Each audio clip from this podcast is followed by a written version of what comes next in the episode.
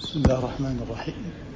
الحمد لله رب العالمين والصلاة والسلام على سيد الأولين والآخرين سيدنا محمد وعلى آله وأصحابه أجمعين.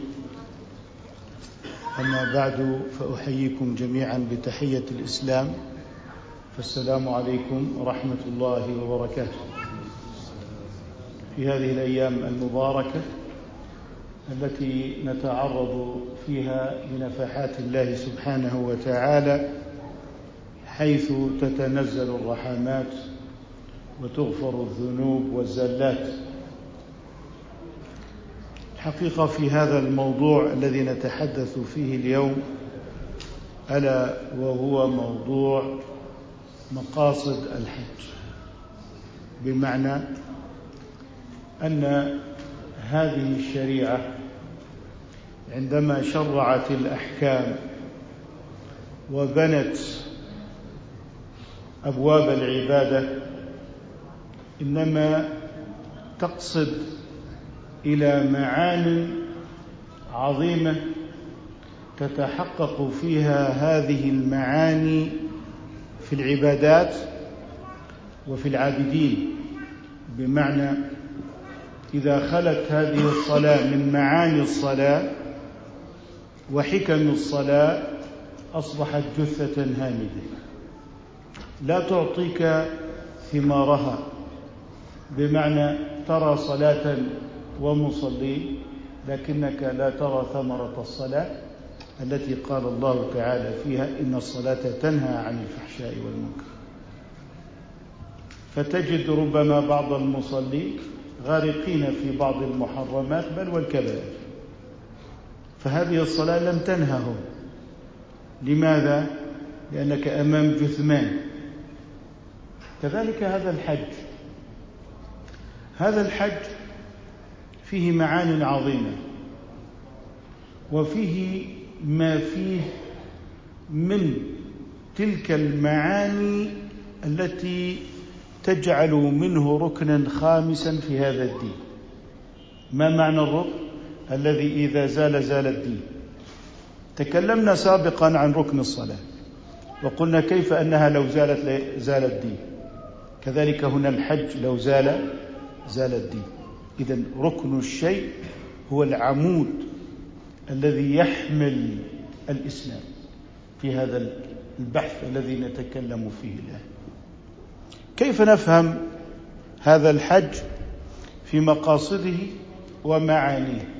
بمعنى لن نتكلم في أركان الحج ولا في شروطه ولا في أسباب وجوبه إنما سنتكلم عن معاني الحج التي قصدها الشارع. هذه المقاصد التي يريد الله أن تتحقق من خلال الحج يعني ثمرات الحج. ثمرات إذا نظرنا إلى هذا العالم منذ وجد عليه الإنسان إلى هذه اللحظة إلى ما بعد هذه اللحظة هناك أكبر وأخطر مثلث تعيشه البشرية. هذا المثلث هو الله الخالق والإنسان العابد المخلوق والطبيعة والعالم الخادم. يعني العالم مهمته الخدمة مسخر. الله خالق الإنسان مخلوق. هذا المثلث الخطير جدا. آه، ارتبكت فيه البشرية. بمعنى البشرية وجدت موحدة ابتداء. ثم بعد ذلك منهم من نظر إلى البحر فوجده يعطي عطاء كثيرا ووجده يغرق ويبتلع السفن والمدن فعبد البحر فعبد البحر. بعضهم اعتقد التأثير في النجوم والكواكب أن هذه مؤثرة ولها قدرة على الخلق والإيجاد والنفع والضر فعبد الكواكب. بعضهم نظر إلى هذه الأصنام التي جسدت الصالحين يغوث ويعوق ونسرا فظنوا أن في هؤلاء الصالحين قدرة مع الله ينفعون بها أو يضرون وأن لهم شفاعة عند الله لا ترد تؤثر. بمعنى كما يأتي الأعوان للوزير بطلب يطلبون منه فلا يجد الوزير بدا إلا أن يطيع. بمعنى أنني صحيح أنا صاحب القرار لكنكم أعواني فبصفتكم الأعوان فأنا أوقع لكم بالموافقة. فهكذا كان يعتقد المشركون أن هذه الأصنام مؤثرة مع الله في القدرة والإرادة فإذا طلب منها كأنك طلبت من الله على وجه الإلزام بينما يعتقد المسلمون أن شفاعة الصالحين هي محض فضل من الله على عباده. فالأنبياء والملائكة يشفعون بمحض الفضل لا بشيء مؤثر في قدرة الله وإرادته. اذا الإنسان عبد الإنسان عبد الطبائع. هذا الإنسان عبد ما هو مخلوق لخدمة الإنسان؟ اختل المثلث. بعدما فتح الله على البشرية من العلوم في الطب والهندسة والفلك واكتشفوا علاج الكوليرا والطاعون ظنوا أنهم قادرون عليها. فقالوا ما لنا ولهذا الإله الذي عبدناه من أجل ان أننا نخاف من هذه الأشياء. لم نعد نخاف. نحن اكتشفنا أسباب المرض. كنا نعتمد أو نعتقد المرض من الشياطين المرض بأسباب أرواح شريرة. الآن لا نحن لسنا بحاجة إلى هذا الإله أصلا. فدخل خلل على هذا المثلث أشد من الخلل الأول. اضطربت البشرية اليوم وأنتم تسمعون الإلحاد بين الحين والآخر ربما يعني يظهر في شاشات التلفزة أو آه، في التواصليات وما إلى ذلك. اذا مشكلة البشرية هو هي الاضطراب في هذا المثلث الخطير. إما أن يعبد مخلوقا أو أن يزيل الإله المعبود الخالق. الآن الله عز وجل يريد أن يشرع من العبادات ما يعيد الإصلاح لهذا المثلث. الإنسان العالم الله. وفي الحج من هذا الإصلاح الكثير.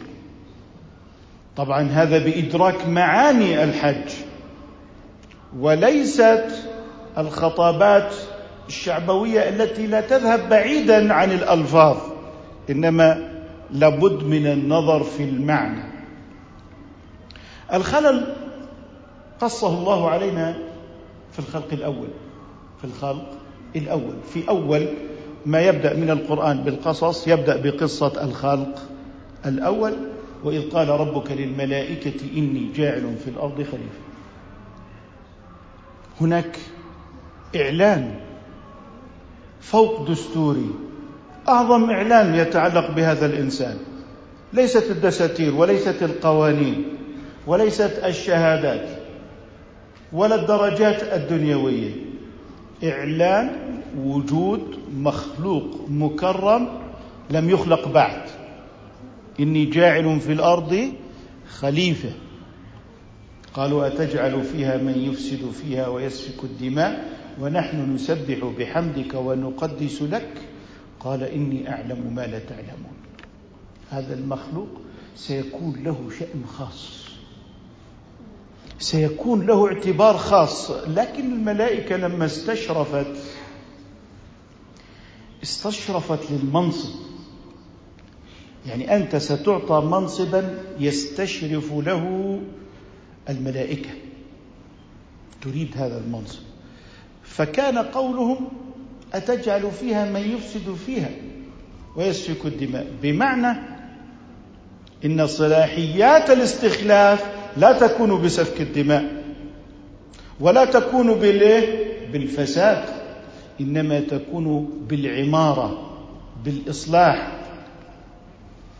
فالله عز وجل آتى آدم عليه السلام شرف الاستخلاف بجدارة بأن آتاه العلم وعلم آدم الأسماء كلها ثم عرضهم على الملائكة قال أنبئوني بأسماء هؤلاء إن كنتم صادقين. قالوا سبحانك لا علم لنا إلا ما علمتنا إنك أنت العليم الحكيم. إذا شرف الاستخلاف ليس بلون البشرة ولا بالطول ولا بالعرض ولا بأنواع الأطعمة والأشربة ولا بالأثاث ولا بالبيوت إنما هو بهذا العلم. فأمر الله الملائكة أن تسجد لآدم. فسجدت الملائكة إلا إبليس. إبليس لم يسجد. إبليس الآن سيكون من الجاحدين من العصاة من أشد أنواع المعصية ألا وهي معصية الجحود. الجحود. أسجد لمن خلقت طينا. أنا خير منه. خلقتني من نار. بدأت المشكلة مع الطبيعة هناك. بدأت المشكلة مع الطبيعة مع من؟ الشيطان. فاعتد بالطبيعة أن من كان طبعه النار أفضل ممن كان طبعه الطين. فبدأت خطوات الشيطان هناك. إذا اعتداد بالطبع إعطاء فلسفة وتفسير. تفسير للأمر. هذا الأمر ليس في مكانه يا رب. فأنت تأمر من كان أفضل بالسجود لمن كان أدون. هذه هي الفلسفة التي ترد الشريعة. فكانت النهاية إسقاط الأمر الشرعي. إذا خطوات الشيطان ثلاث. الطبع فلسفة تبرير ثم إسقاط الأمر. أي معصية من كفر من كبائر هذه هي الخطوات الثلاث لا تزيد. خطوات الشيطان ثلاث. طبع هوى إسقاط الأمر اللي هو إسقاط الشرع. حيثما ذهبت إلى كبيرة أو إلى معصية فهذا هو السبب. آه، آه، مثلا آه، آدم عليه السلام الطبع أغراه بالأكل من الشجرة حب الخلود حب البقاء شهوة الطعام. لكن كانت زلته زله قدم فأزلهما الشيطان عنها فأخرجهما مما كان فيه. فكان تأثر بالطبع لكن ليس جحودا. فتلقى آدم من ربه كلمات فتاب عليه. إذا هنا معصية بالطبع مع آدم إلا أنه رجع إلى ربه وتاب. فغفر الله له. وإما جحود وكفر وهي معصية الشيطان. نرجع إلى المثلث. البشرية اختلت في المثلث. عبدت الطبيعة أو لما ظنت أنها على قوة مع هذه الطبيعة نحن لم نعد بحاجة إلى الإله. ما هذا الإله؟ وهو موجود هذا الفكر بين المسلمين مع الأسف الشديد. الآن لماذا يقال عمل قوم لوط ومحاولات لشرعنة عمل قوم لوط؟ يقول لك هذا طبيعته هكذا. في عنده إفرازات مختلفة عنك فيجب أن تعترف به. اعتداد بالطبع. لماذا أنتم فقراء والطبقة المسحوقة أن أطعم من لو يشاء الله أطعمه؟ هيك الطبيعة. الطبيعة أعطتني فلوس أنت ما أعطتك. ولا يجب علي أن أعطيك. من أنت؟ لماذا أعطيك من عرقي وشقائي؟ أنا هذا المال لي. طبع. منع الزكاة طبع. ترك الصلاة طباع غلبت أهواء غالبة. لذلك لما يقول لك سبب الفقر شح الموارد. اعتداد بالطبع. نفس حجة إبليس. طب وقدر فيها أقواتها في أربعة أيام سواء للسائلين. وأين أين أين النقص؟ وآتاكم من كل ما سألتموه. أليس من العيب أن تقولوا شح الموارد؟ لماذا لا تبحثون عن السارق؟ لماذا تبحثون عن عمن استبد بالأمر؟ إذا ظهر الفساد في البر والبحر بما كسبت أيدي الناس. إذا الإصلاح يأتي على إصلاح بما كسبت ليس على إصلاح الطبيعة. الطبيعة خادمة والموارد وفيرة. الجوع ليس سببه نقص القمح إنما هناك من استبد بالقمح. الذين ماتوا من الجوع لم ينقص الخبز في العالم. انظر أين ألقي به. إلى جانب الحاويات. أنت تقول لي نقص الموارد أنت تدخن بخمسمائة مليون دولار سنوي. كيف تقول لي نقص الموارد؟ أنت تنفق على التبغ مليار. كيف تقول لي نقص الموارد؟ أنت تحتج بالطباع بخطوات الشيطان. رجل قتل زوجته وأولاده السبب هو الفقر. لا السبب ليس هو الفقر. السبب ليس الفقر. أنت تريد أن تحيل مشاكلك على الطبيعة بنفس أسلوب إبليس بنفس الخطوات.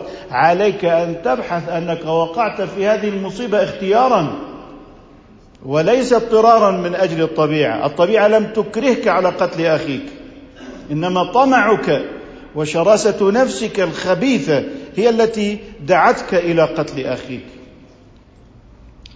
الآن الحج سيصلح. هذا المثلث. بطبيعة الحال الصوم يصلح العبادات تصلح. تقول لي كيف نحارب الفساد؟ أقول لك ليس بالتعليمات ولا بالقوانين ولا بالأنظمة لأن الذي يطبق النظام إذا كان فاسدا لا ينفعك صلاحية النظام. لا تبقى تبحث عن الإصلاح بالأوراق. عليك أن تبحث عن إصلاح الإنسان نفسه. لأن ربنا سبحانه وتعالى قال لك ظهر الفساد في البر والبحر بما كسبت أيدي الناس. عندما ترى من يسكن الصفيح ويعيش على الخبز مع البهائم وهناك من يسبح في آه، أحواض الكولونيا آه، هذا ليس نتيجة نقص الموارد ولا ذنب للطبيعة في هذا. ابحث عن مشاكلك. لذلك لا تحاول أن تصلح نظام السير إذا كان الشرطي غير صالح. لا تصلح القانون إذا كان القاضي فاسدا. ماذا ترجو من طبيب مبدع لكنه ليس امينا؟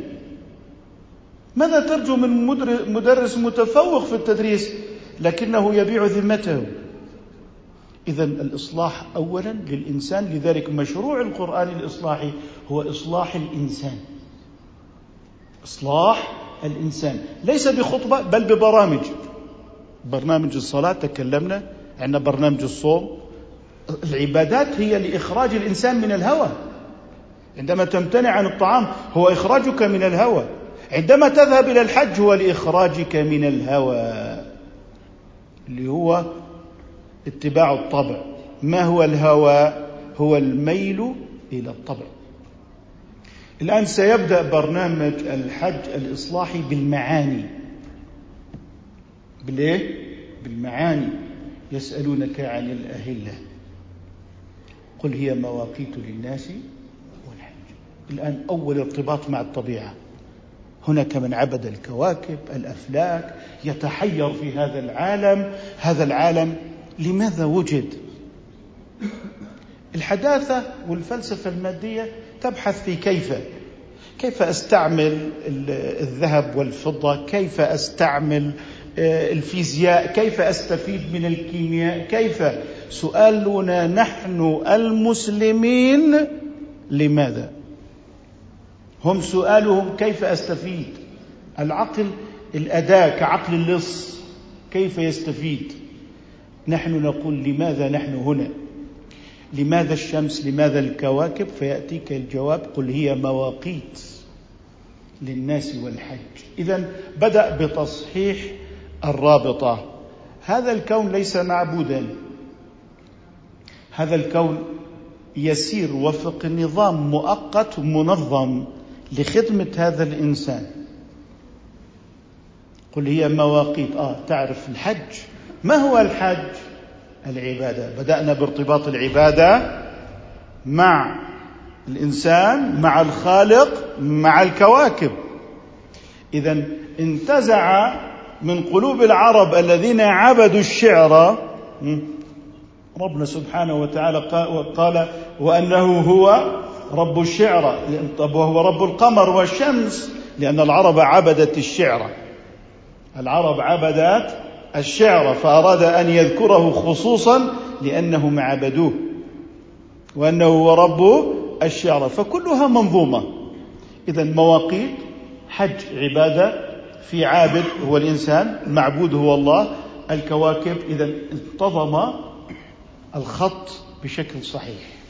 وأعيد رسم العلاقة بشكل نموذج دقيق. هذه الأقمار والشموس هي خدامة. طب وأنت؟ في خدمة الله. وأنت في خدمة الله سبحانه تصحيح الغايات. الآن قل هي مواقيت للناس والحاج كيف تعتد النساء؟ مواقيت. الذي أراد آه، مثلا أن يخرج زكاة ماله مواقيت. الصيام مواقيت. إذا لما ربطك بالأقمار والأفلاك ربطا صحيحا إنما هو لتصحيح مسار الإنسان.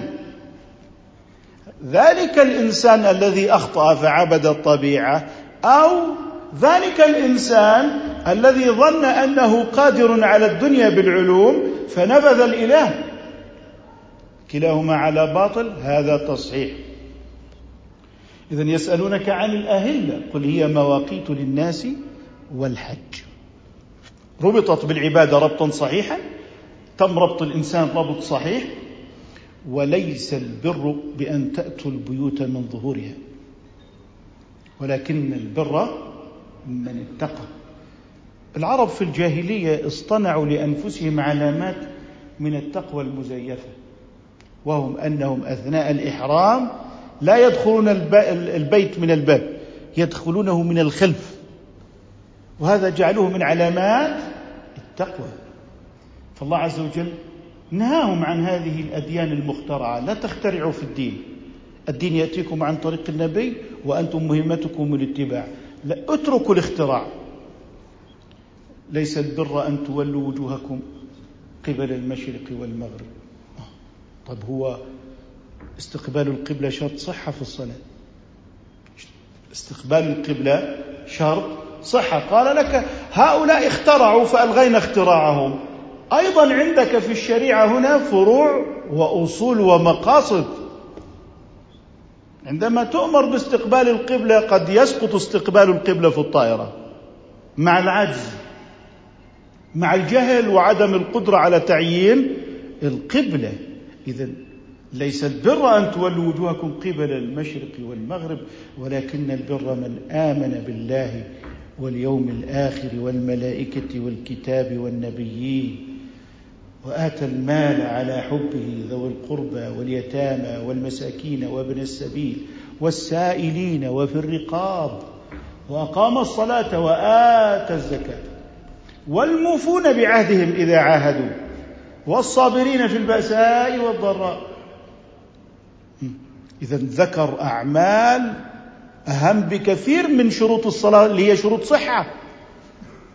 يعني حتى الشريعة فيها شروط صحة يجب اعتبارها لكن هناك معاني أكبر لا تتعلق لي بشرط الصحة. ثم أجدك قد منعت الزكاة هنا وهنا لم أجدك من الصابرين في البأساء والضراء. لا أجدك من المقيمين للصلاة وإيتاء الزكاة.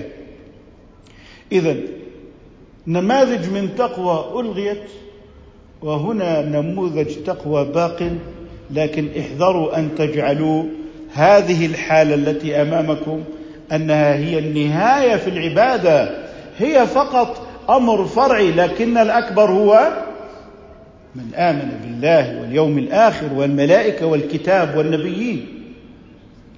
إذا الشريعة تقرر المعاني هذه هذه الفريضة من الحج جاءت لتبرز معاني عظيمة هي المقصودة.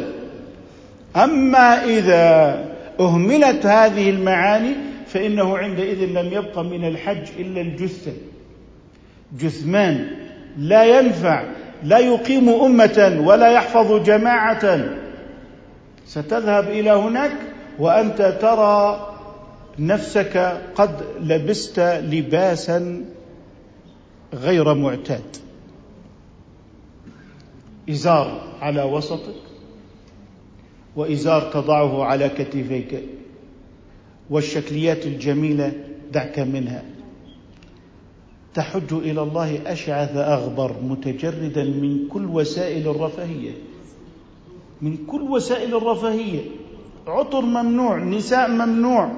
القميص ممنوع بحذاء من البلاستيك. حذاء من البلاستيك. لأنك عندئذ بعد قليل ستولد ولادة جديدة. أنت الآن في مشروع ولادة. صحيح أنك مواليد ما قبل أربعين عاما لكنك ستمنح ولادة من نوع آخر. فعليك أن تتمهل في هذا الحج. فلا رفث ولا فسوق ولا جدال في الحج. اذهب إلى الحج. لن تجد أصعب من هذه الثلاثة إنه لا رفث ما في نساء ولا فسوق ولا جدال. أنت معك حق وتتنازل عن حقك وتمشي. وما في معصية بالحج ولا معصية غير متصلة بالحج. يعني الحج المبرور الذي لا فيه لا توجد فيه معصية متعلقة بالحج. يعني ما ترك واجبا ولا ارتكب منيا كذلك لا توجد معصية خارج الحج كأن يكون قد كذب أو أخذ مالا ليس له أثناء الحج مثلا أو غش أو ما إلى ذلك. هذا هو الحج المبرور. الآن لا رفث ولا فسوق ولا جدال في الحج. هذا أهم شيء. الأركان الحافلة ستأخذك وستعيدك وسترى الناس. الطواف سبعة أشواط لن تتيه في هذا الطواف. البيت موجود. لكن عندما ترى الطائفين كالبحار جاءوا يعبدون ربهم. آه الكعبة تطوف حولها. أنت تطوف حول الكعبة لكن لا يجوز لك أن تطوف حول القبر. لا يجوز لك أن تطوف حول إنسان معظما له. عبادة وحيدة. طواف لا توجد إلا للكعبة فقط. لا توجد إلا للكعبة. طب والسجود إلى أي جهة؟ إلى جهة الكعبة. ما هو أمر إبليس والملائكة بالسجود لك. هل كان سجودهم لك عبادة؟ لا. كان السجود تكريم. الآن أنت تتوجه بصلاتك نحو الكعبة. هل تعبدها؟ أن تعظمها؟ لا تنسى أن الله عظم أباك آدم. وتعظيم الأصل هو تعظيم للفصل فهو قد عظمك فأمرك أن تطوف فأنت هنا تطوف لأنه أمرك أن تطوف. لكن لا تخترع طوافا من عندك. غاية التقييد.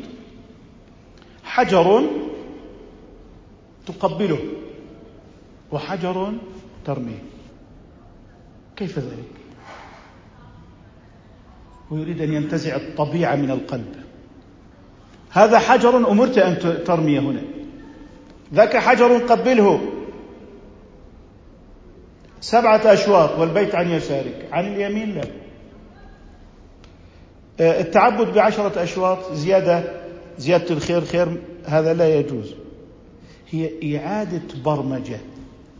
إعادة برمجة لهذا الإنسان.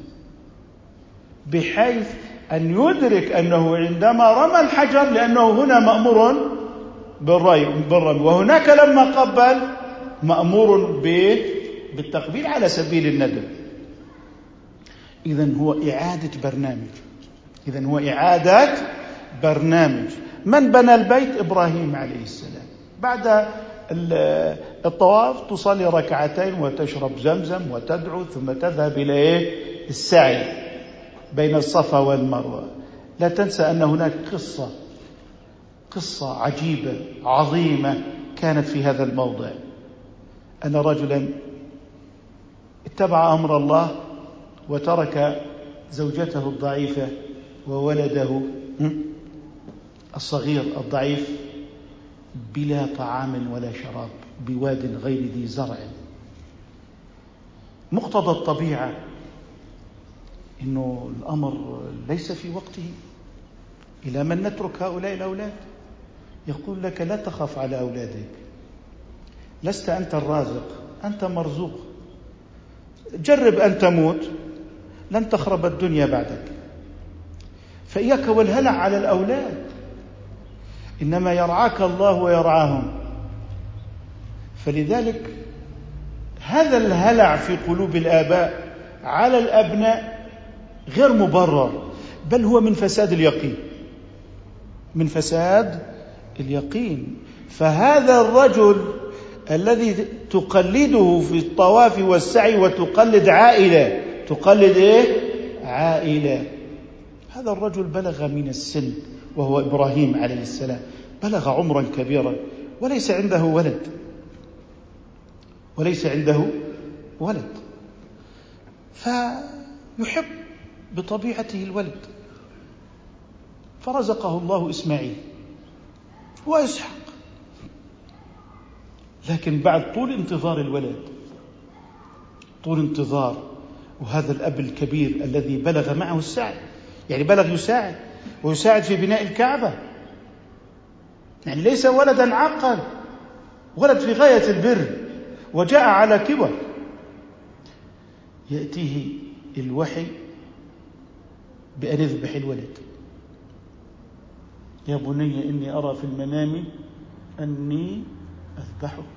الجبلة الطبيعة بتقول لا ابني وجاءني على كبر ماذا سينتفع الناس بذبح الولد؟ ماذا ستنتفع البشرية؟ هل أنا سأنفع البشرية بذبح هذا الولد؟ الكلام اللي هو كلام إبليس صاحب الفلسفة في إسقاط الأوامر. يعني لما ترى فلسفة في إسقاط الأوامر فاعلم أنها خطوة إبليس اللي هو الهوى.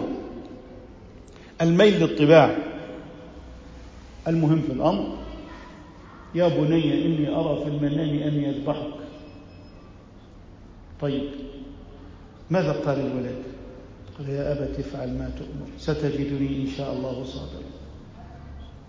ستجدني إن شاء الله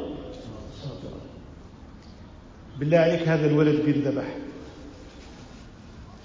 يعني ممكن بعد ما قال الولد هذا القول يتزعزع قول إبراهيم. يقول يعني هذا الولد يذبح ما ذنبه؟ اللي هي القصة اللي بنسمعها دائما؟ كلما جاء الشرع كلما جاء الطبع الأهواء الأمزجة ثم ترد الشريعة. خطوات إبليس الأولى. الأمر ليس مزحا والقصة معلومة. تعرض لأمه فرجمته تعرض لأبيه فرجمه تعرض لإسماعيل فرجمه طلع عندنا ثلاث جمرات الصغرى والوسطى والكبرى. هو هذا المعنى لماذا؟ تعيش ذلك المعنى. رفض خطوات الشيطان. لا نريد خطوات الشيطان. أما تعدهم الخلاف سبعة هاي تجزئ هذه لا تجزئ. دخلت في الصحن لا ما دخلتش في الصحن لا اطلع من الصحن لا اجت في راسه ما بصير نضيع المعنى. المعنى هو المهم. رفض خطوات الشيطان. ترجع قالوا إيه؟ راح مش عارف إيش رجع منشار. بعد ما رجع من الحاج اشتغل فينا. هو المقصود معاني الحج المعاني. رجم الشيطان برجوع إنسان جديد مختلف. تلك المرأة الصالحة هاجر تسعى بين الصفا والمروة تريد ماء لولدها المتروك بلا ماء. مرة تصعد على المروة مرة تصعد على الصفا إلى أن فجر الله تعالى الماء من تحت قدم إسماعيل. تشربون منه ماء زلالا إلى يوم الدين. الطاعات هي سبيل تنزيل الرزق. كم مرة نتكلم في الفجوة الاقتصادية ونتكلم في العدالة الاقتصادية. لكننا ننسى أن ذنوبنا هي سبب السخط. هي سبب الضيق الذي أنت فيه. وأن ما عند الله ينال بطاعته لا بمعصيته. معاني عظيمة. فلما أسلما وتله للجبين على وجهه ليذبح وناديناه أي يا إبراهيم قد صدقت الرؤيا. ليس المطلوب دم إسماعيل إنما المطلوب التقوى. لعلكم تتقون. المطلوب المعنى. وإلا فإن الله غني عن دم إسماعيل. لكنك الآن صدقت الرؤيه أنت قمت بالأمر. وفديناه بذبح عظيم. سنة تضحون سنة أبيكم إبراهيم. هو طلب بذبح الولد. طلب بايه بذبح الولد. وأناس يعني طلبوا بذبح التيس. تيس. كله وأنت وانتفع به يبخل به. هي المعاني. المطلوب هو المعنى. أكثر من المبنى. هاي مقاصد الحج. إخراجك من طبيعتك الجبلية البخيلة هلوع منوع جزوع. إخراجك من هذه الأمراض. تحرير الإنسان من هذه الطباع ليصبح عبدا لله. مقام العبودية. القلب ساجد والجبهة ساجدة. أما الجبهة ساجدة والقلب يتفرج في الدنيا. ذهب المعنى. لذلك هذا نظام الحج. طيب. ليس عليكم جناح أن تبتغوا فضلا من ربكم؟ فإذا أفضتم من عرفات فاذكروا الله عند المشعر الحرام. كان العرب في الجاهلية الذين عبدوا الأصنام يتورعون أنهم لا يتاجرون في الحج. ورع إنه إحنا جايين عبادة. نحن نعبد الله. لا نمارس التجارة في الحج. انظر المعاني العبادية التي عند كفار الجاهلية وأنهم يريدونها عبادة خالصة. لكن على أي طريقة؟ على طريقة الأصنام. على طريقة الأصنام. ربنا سبحانه وتعالى قال ليس عليكم جناح أن تبتغوا فضلا من ربكم. تاجروا بالحج. لأنه الحج بده تجارة. الناس يأتونك من كل فج عميق. هؤلاء يريدون غذاء وكساء وحاجات وأسواقا ويريدون ويريدون. فلذلك ارتبطت العبادة في الحج بمرفق اقتصادي مهم. لذلك لا تتنافى الحالة الاقتصادية مع العبادة. لا تفصل بين العبادة والاقتصاد. الاقتصاد جزء من العبادة. لذلك لا يوجد فصل بين هذه صلاة ها وتلك تجارة. لا. هذا غير موجود الصلاة في التجارة وكذلك هنا التجارة في إيه؟ في الحج. ليس عليكم جناح أن تبتغوا فضلا من ربكم. فإذا أفضتم من عرفات فاذكروا الله عند المشعر الحرام. لذلك آه، ارتباط العبادة بالحج والحج بالعبادة والتجارة هذا لا يمكن أن يكون له فكاك في حياة المسلمين. لذلك آه، في قوله تعالى إذا نودي للصلاة من يوم الجمعة فاسعوا إلى ذكر الله وذروا البيع. وذروا البيع.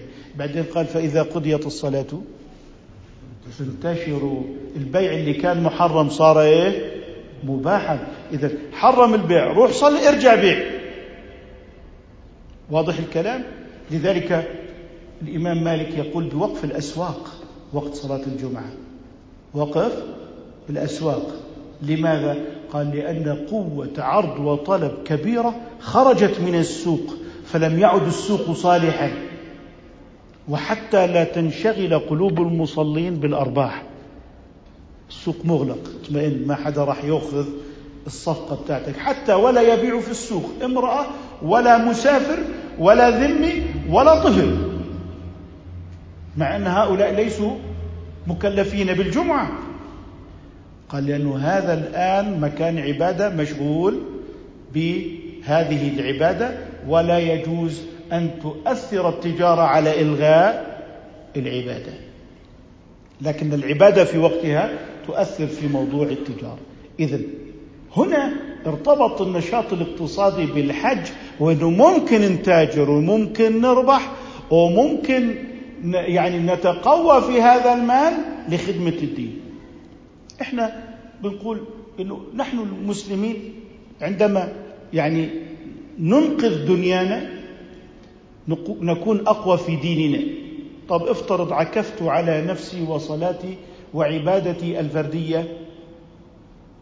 ثم بعد ذلك حدث وباء. أعطونا آه، أيها الكفار الدواء.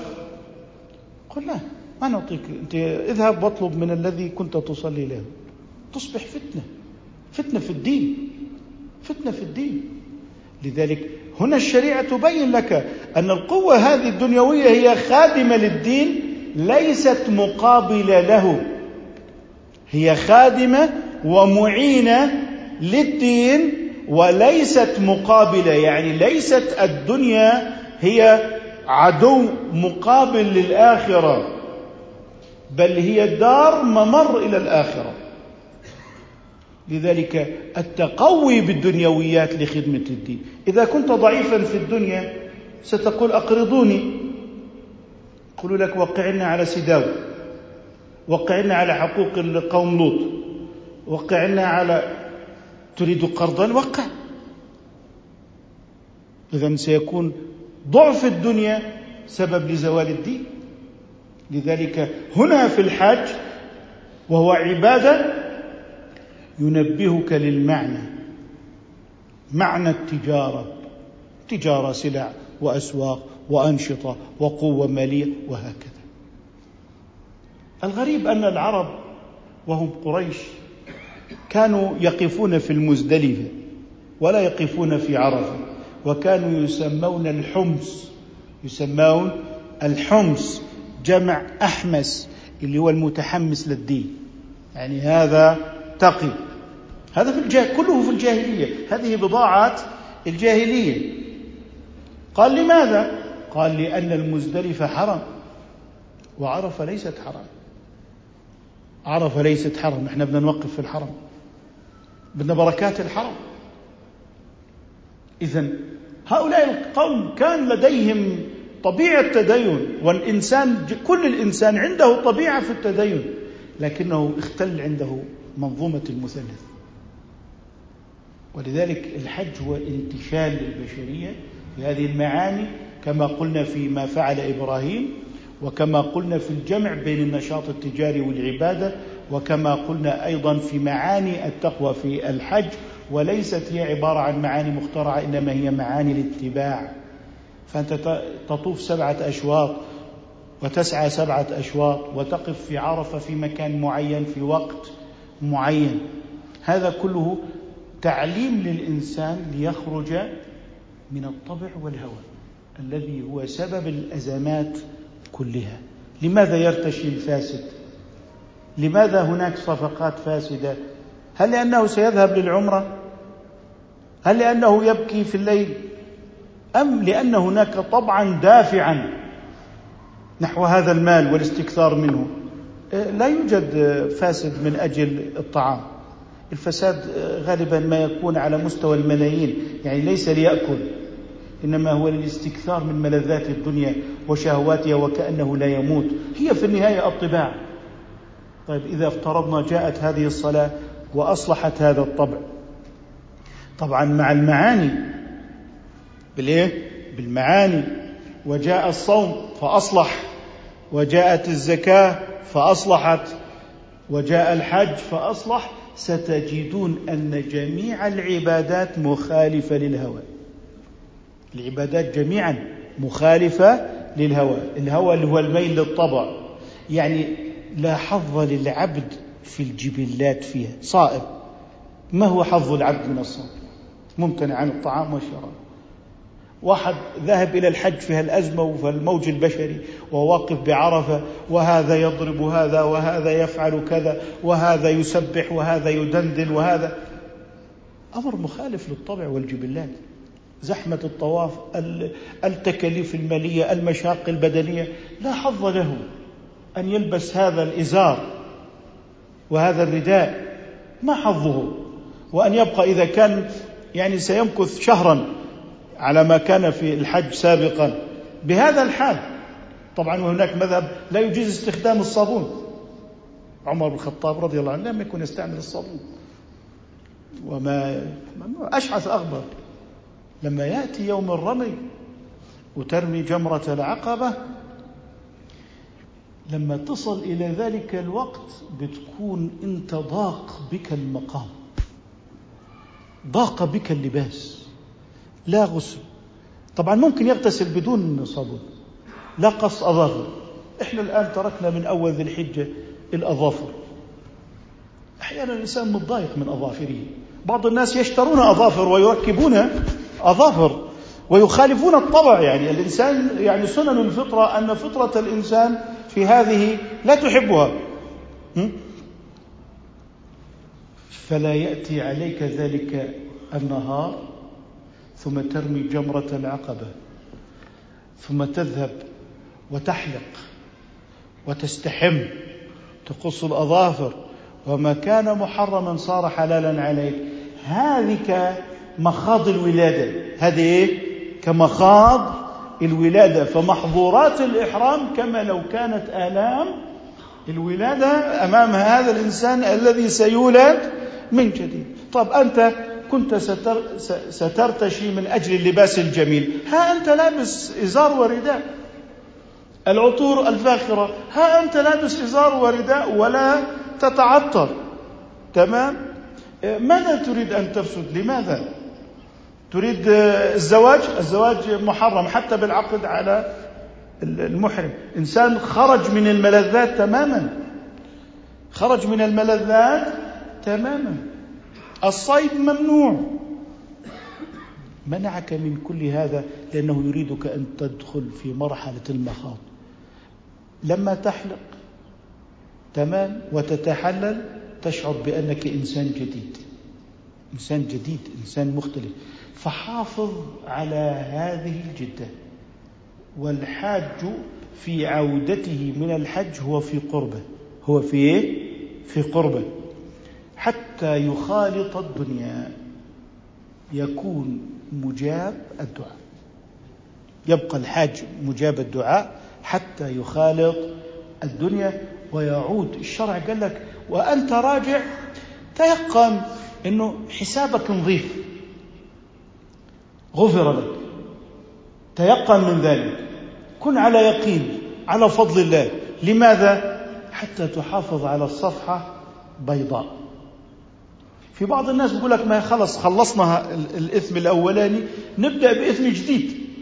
لأنه وبنرجع بالحج. طب ما هو الحج؟ لا يغفر حقوق العباد. حقوق العباد لا تغفر في الحج.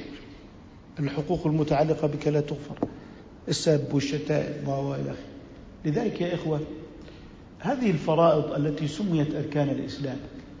لما سميت أركان الإسلام ليست لأنها رياضة حول البيت. إنما لما تحمله من هذه المعاني العظيمة. وما تحمله من هذه المقاصد الشريفة التي لو أعطيت حقها لرجعنا بعد الحج أمة مختلفة ولرجعنا بعد رمضان أمة مختلفة. لو أعطيت هذه المعاني الالتفات يعني برمضان نشغل ببرامج الطبخ والإعلام شهر الطعام والإعلام فرغ من المعنى. الحج أصبح اقتصاديات الحج. يعني العبادة اختفت. آه، نجوم خمس نجوم حج سريع حج كذا إلى آخره. نتكلم عن الحج وكأنك تريد أن تحمله وتطوف به أو أن تأتي بالبيت يطوف عنده. تفريغ للمعنى. لذلك هذه الشريعة فيها معان معان عاشها الصحابة. يعني اللي عاشوا الشرك ووقفوا في مزدلفة وما وقفوا على عرفة وكانوا يدخلون البيوت من ظهورها وعرفوا معنى الشرك. هؤلاء الناس أعلم الناس بالتوحيد أنهم عرفوا الكفر عرفوا الكفر وعرفوا الإيمان. لذلك قال واذكروه كما هداكم وإن كنتم من قبله لمن الضالين. تذكروا أيام ما كنتم تدخلوا البيوت من ظهورها؟ وتقفون في مزدلفة وتقولون لا شريك إلا شريكا هو لك تملكه وما ملك. هذا بالحج. يقولون لا شريكا إلا هو لك تملكه يعني هو في شريك بس يعني مثل الوزير والأعوان. البداية التي قلناها. نحن نقول الله لا أعوان له إرادته نافذة قدرة واحدة إرادة واحدة بعث بواحد سبحانه وتعالى. كل قدرات العباد تساوي صفر مع الله في الخلق سبحانه وتعالى. نكتفي بهذا القدر إن شاء الله تعالى. سبحانك اللهم وبحمدك. نشهد أن لا إله إلا أنت. نستغفرك ونتوب إليك. اللهم تقبل منا عبادتنا وصلاتنا وزكاتنا وصيامنا وحجنا. سبحانك اللهم وبحمدك. نستغفرك ونتوب إليك.